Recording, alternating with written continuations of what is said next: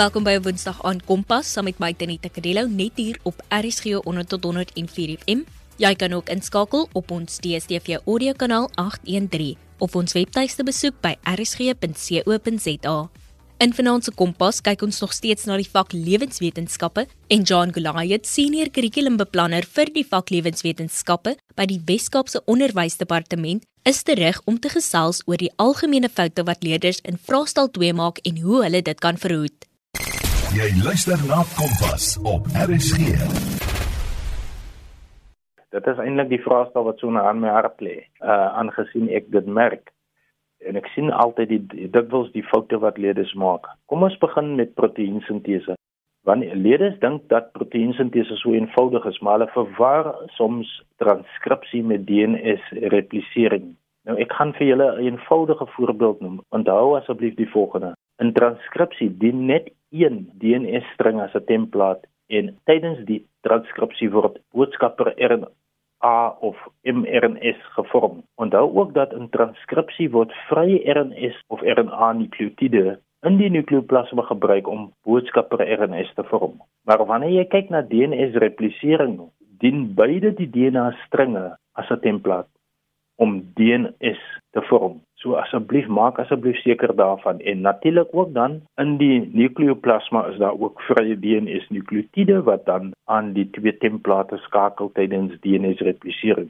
'n Ander dingetjie wat leerders ook kan basraak nie is hulle kan nie die basisparing doen vanaf DNA na mRNA na aminosure en terug nie. Byvoorbeeld Hulle mag vir jou vra om die DNA basis 3 tel te bepaal wanneer die tRNA die oordrag antikodon gegee word.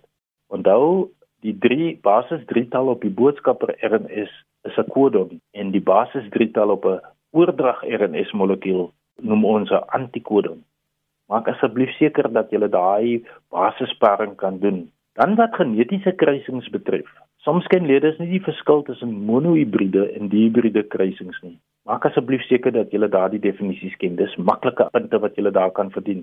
Maak ook seker dat jy weet wat is volledige, onvolledige en kodominansie. En dan kan soms kan leerders genetiese kruisings nie korrek voorstel met die noodwendige genotipes en fenotipes die genetiese probleme van geslagskoppelde afwykings, byvoorbeeld hemofilie en kleurblindheid, gebruik altyd die X en Y allele, die geslagskromosome. Gebruik ook hoofletters en kleinletters wanneer genotipes geskryf word en ken die formaat van 'n genetiese kruising. Jy kan ten minste 2 van die 6 punte wat gewoonlik geallokeer word in 'n kruising. Jy kan ten minste 2 van daardie 6 punte ontvang indien jy die volgende korrek het. Dit is die P en die F generasies indien jy dit korrek aandui in jou kruising en meiose en bevrugting. Maar daardie dingetjies moet in die korrekte volgorde en posisies wees in die kruising. Onthou ook dat verpligte punte toegeken word vir wat die vraag vereis. Byvoorbeeld, as 'n vraag vra, stel 'n genetiese kruising voor om die genotipes en fenotipes van die F1 generasie aan te dui, dan moet jy seker wees dat daardie genotipes en fenotipes van die F1 generasie sal elk 'n verpligte punt kry. So as ons merk, dan merk ons gewoonlik eers die verpligte punte. So let asseblief baie fyn op wat deur die vraag van 'n genetiese kruising gevra word en maak seker jy beantwoord die vraag. Maak ook seker dat jy stamboomdiagramme kan interpreteer. Die Mind the Gap studie gids gee vir jou baie mooi stappe daaraan. Ek kan net flissies deur die stappe met jou beweeg. So indien jy 'n diagram kry met 'n stamboomdiagram kry, bestudeer die inleidende stelling en die sleutel en soek vir die dominante en die resessiewe kenmerke en die fenotipes. Dan wat jy doen is voordat jy na die vraag kyk, vul eers al die fenotipes van al die individue in volgens die sleutel. Voltooi ook die genotipes van al die individue met die resessiewe toestand. Dit beteken dit moet twee klein lettertjies wees. En vir elke individu in die diagram wat die resessiewe toestand het, beteken dit dat elke geen of alleel van elk van die ouers verkry is. Nou werk jy terugwaarts en jy vul een resessiewe alleel vir elk van die ouers in. As die ouers die dominante kenmerk toon, is dit gewoonlik homosigoties dominant of heterosigoties dominant. Dan kan jy nog net die tweede tweede lettertjie invul as jy reeds die eerste lettertjie het. So maak asseblief seker gaan na die Mind the Gap studie gids en gaan kyk na daardie voorbeelde wat hulle daar vir jou gee en werk jy die ou vraestelle se voorbeelde. Jy luister nog steeds na Kompas op RSG 100 tot 104 FM saam met my Tenita Kadela en ek en John Goliath bespreek die vak lewenswetenskappe. Dan 'n volgende aspek wat ook baie problematies is, is evolusie. En hier wil ek asseblief praat oor sê maar 2 tot 3 dingetjies wat ek wil aanraak hier. Die enetjie is natuurlike seleksie, dan maak se teorie, spesievorming en gepunte ewewig. Nou, voordat ek daar begin, wil ek eers vir julle noem voordat daardie ons die teorieë bietjie bespreek. Onthou, hulle vra soms noem die bronne van variasie. Onthou, daar's vier bronne gelys. Dit is meiose, mutasies, ewekansige bevrugting en ewekansige paring. Nou wil ek gou vir julle 'n bietjie waarsku. Indien hulle vra dat jy drie bronne van variasie skryf en kom ons sê jy skryf mutasies, jy skryf ewekansige bevrugting en jy skryf sê gou maar oorkruising dan moet jy oppas dat jy dalk net 2 punte mag verdien want onthou oorkruising en ewekansige rangskikking saam maak deel uit van my ose. So as ek vir julle raad kan gee, hulle vra wat is die bronne van variasie? Skryf liefs my ose, mutasies, ewekansige bevrugting en ewekansige paring. Dan ken lede soms nie vir paar baie eenvoud om een of ander rede ken hulle nie die voortplantingsisolasiemeganismes nie. Onthou die voortplantingsisolasiemeganismes wat jy moet ken is die volgende: teeling of broei op verskillende tye van die jaar, spesies spesifieke hofmakery, aanpassings by verskillende bestuivingsagente, steriele nakommelinge en voorkoming van bevrugting. Maak asseblief seker dat jy daardie verskillende voortplantingsisolasie meganismes baie goed ken. Dan wanneer ons kom by natuurlike seleksie en spesievorming. Nou hier is leerders soms geneig indien hulle 'n scenario gegee word dan is leerders soms geneig om 'n generiese weergawe van natuurlike seleksie en spesiasie te gee. Indien die vraag vra dat jy Darwin se teorie moet toepas, dan moet jy dit toepas. Beteken dit jy kan nie 'n generiese weergawe van natuurlike seleksie en spesievorming gee nie. Jy moet na die voorbeeld verwys, soos byvoorbeeld as ek gou kyk na natuurlike seleksie, eerste sinnetjie is gewoonlik daar is variasie in die in die populasie en dan gaan jy nou jou volgende sinnetjie gaan oor die tipe variasie. Nou gaan jy sê daar is sommige organismes met geskikte kenmerke en sommiges nie maar as jy sê sommiges het geskikte kenmerke en hulle het 'n vir jou 'n scenario gegee maak seker dat jy die scenario noem. Byvoorbeeld as ek die kameelperd voorbeeld kan noem jy sal byvoorbeeld sê sommige kameelperde het lang nekke en sommige het kort nekke gehad so jy met die variasie beskryf en dit toepas op die voorbeeld of die vraag wat of die scenario wat gegee word en die res van die beskrywing is dan dieselfde. Ek wil julle net waarsku of maan, julle moet versigtig wees as julle 'n vraag kry soos beskryf geografiese spesiasie deur geografiese isolasie dat jy nie in jou eerste sinnetjie moet nie weet dat dit 'n spesies is wat geskei word deur 'n geografiese verspreiding nie. Maar jy moet sê dit is 'n bevolking. Onthou daar is 'n verskil tussen 'n bevolking en 'n spesies. So in jou beskrywing van spesiasie of spesievorming moet jy begin deur te sê 'n bevolking van 'n spesifieke spesies word geskei deur 'n geografiese verspreiding. Leerders het in die verlede baie punte verloor as hulle die sinnetjie begin net met 'n spesies word verdeel of geskei deur 'n geografiese verspreiding. Dit is nie 'n spesies nie, dit is 'n bevolking. Wanneer ons gaan na menslike evolusie toe, is daar ook 'n paar dingetjies wat jy moet onthou. Maak asseblief seker dat jy sta filogenetiese stambome kan interpreteer. Onthou die woord filogenetiese stambome. Ons het net gepraat by genetika oor stamboomdiagramme. Moet nou nie de mekaar raak nie. So filogenetiese stambome, dit is gewoonlik waar hulle al die verskillende spesies of voorouers van die mens uh, word gelys daar op 'n uh, stamboom en hulle vra verskillende vrae vir jou. Wie is die voorouer van daardie spesies hoe lank gelede het daardie spesies uh, gelewe op aarde? So maak seker dat jy hulle genetiese stambome kan interpreteer. Dan moet jy ook seker maak dat jy die kenmerke ken wat mense met ander primate deel. Byvoorbeeld opponerende duime lang boarms ensovoorts Moenie net sê lang arms nie, dis lang boarms. Dan moet jy ook die anatomiese verskille ken tussen mense en Afrika ape. Byvoorbeeld in terme van die volgende, in terme van tweevoetigheid. Uh, onthou, uh, die mens is tweevoetig omdat die foramen magnum meer na vorentoe is terwyl dit in Afrika aap meer na agtertoe is. En natuurlik ook in terme van die ruggraat, die een sin is S-vormig en die ander is C-vormig. En ook in terme van die bekkengordel, by die mens se bekkengordel sê ons is kort en breed. So asseblief wees seker dat jy die goedjies ken. En dan breingrootte. Ons weet dit, dit het te doen met die grootte van die kranium, die tande, prognatisme, vorm van die verhemelte kraniale riwe, wenkbrauwe ensovoorts. Maak seker dat jy die verskille ken van daardie uh, kenmerke wat ek nou genoem het. Maak ook seker indien jy diagramme gegee word van skedels of die ruggraat of die bekkengordels van verskillende primate dat jy dit weet dat jy die verskille kan identifiseer. Onthou, in die mens is die foramen magnum in 'n meer vorentoe posisie en die bekkengordel is kort en breed en die ruggraat is meer gekrom of S-vormig. En daar is 'n rede daarvoor. By die foramen magnum by die mens is meer na vorentoe sodat die uh, ruggraat meer in 'n vertikale posisie die skedel kan binnendring.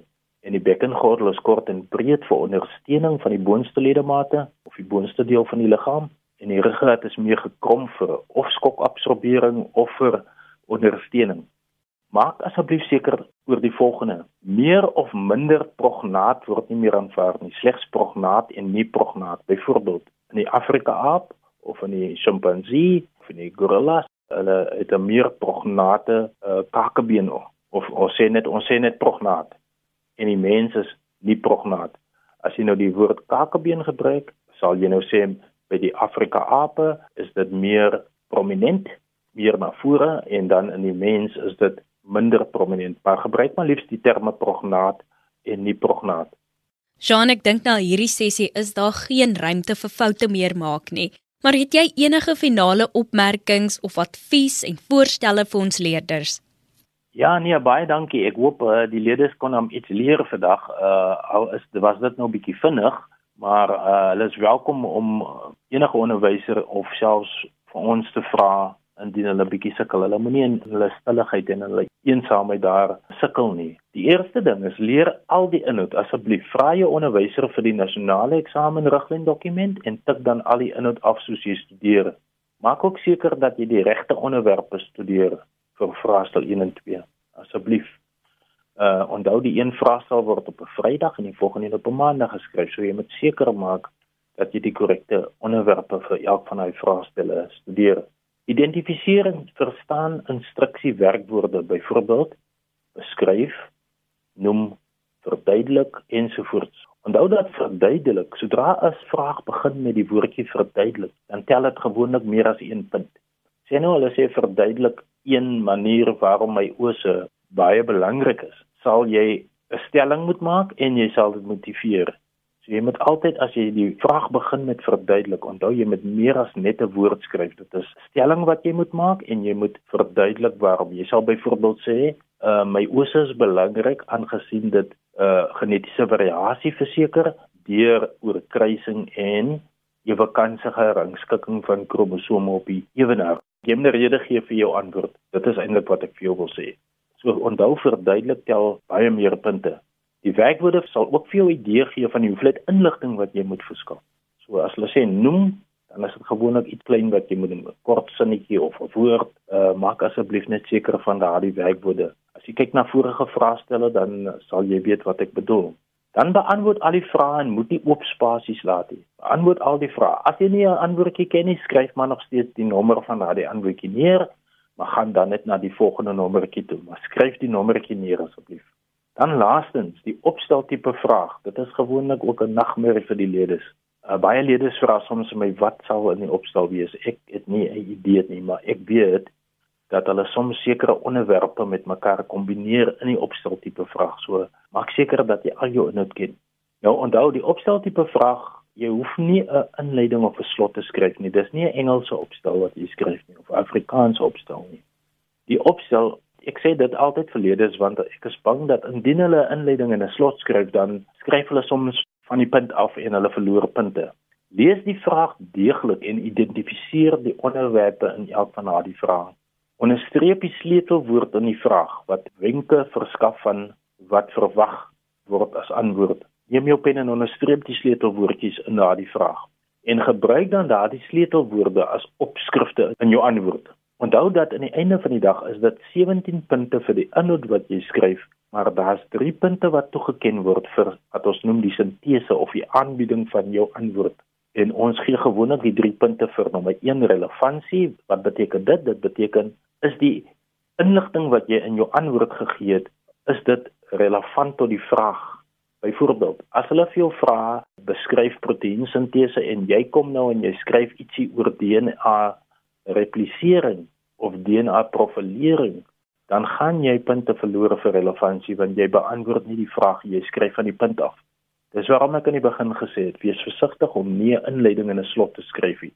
Begin onmiddellik met die opsteltipe vraag. Maak een die eerste sleutelwoorde, maak dit jou opskrif en begin te skryf en dan die volgende sleutelwoord wat jy identifiseer in die vraag maak dat die volgende opskrif en skryf. Onthou jy sal dus 'n punt probeer vir relevantie indien jy enige inligting insluit wat dus nie relevant is nie. Die volgende punt vir sintese of aanbieding is logiese volgorde. En dis gewoonlik wanneer jy 'n prosesse gevra word. So as ons byvoorbeeld terugkom na die voorbeeld, hulle sê miskien vir jou beskryf transkripsie en translasie van proteïensintese en jy skryf nou dinge wat onder translasie val onder transkripsie of omgekeerd, dan gaan jy punte verloor as jy nie die proses in die korrekte volgorde plaas nie. En dan laastens kry jy 'n puntjie vir volledigheid en dit is gewoonlik gekoppel aan 'n sekere maksimum punt wat jy moet verdien in jou antwoord. Soos byvoorbeeld kom ons sê maar transkripsie tel miskien kom ek sê maar 10 punte en translasie 7 punte, Jy sal 8 van die punte van transkripsie moet korrek hê en sê maar 5 van die punte van translasie moet korrek hê voordat ons vir jou die punt vir volledigheid gee. So volledigheid is gekoppel aan die korrekte inligting wat jy gee. Dan wil ek afsluit deur vir julle te vra om asseblief vorige eksamen vraestelle te gebruik om julle voor te berei. Ook het ons as Weskaap Onderwysdepartement het ons weeklikse lesse vir julle ontwikkel en gaan deur daardie lesse, bestudeer daardie lesse. Ons het ook telematiese en televisie-uitsendings gedoen en selfs die radio-uitsendings gedoen. So gebruik enige van hierdie bronne of al hierdie bronne en jy sal suksesvol wees. Baie dankie. En dit bring dan ons lewenswetenskappe hersiening tot 'n einde. Dankie John dat jy saamgekyer het en dankie aan ons luisteraars dat julle ingeskakel het. Onthou indien jy enige navrae of terugvoer van vanaand se program het, kan jy SMS stuur na 45889 teen R1.50 per SMS of 'n e-pos na kedeloutz@sabc.co.za. Jy kan natuurlik ook die departement van onderwys se webtuiste by WCED eportal.co.za besoek waar daar talle studiehulpbronne en materiaal beskikbaar is. Onthou, Kompas word aan jou gebring in samewerking met SABC Opvoedkunde en Percy Mogale was ons regisseur vir vanaand.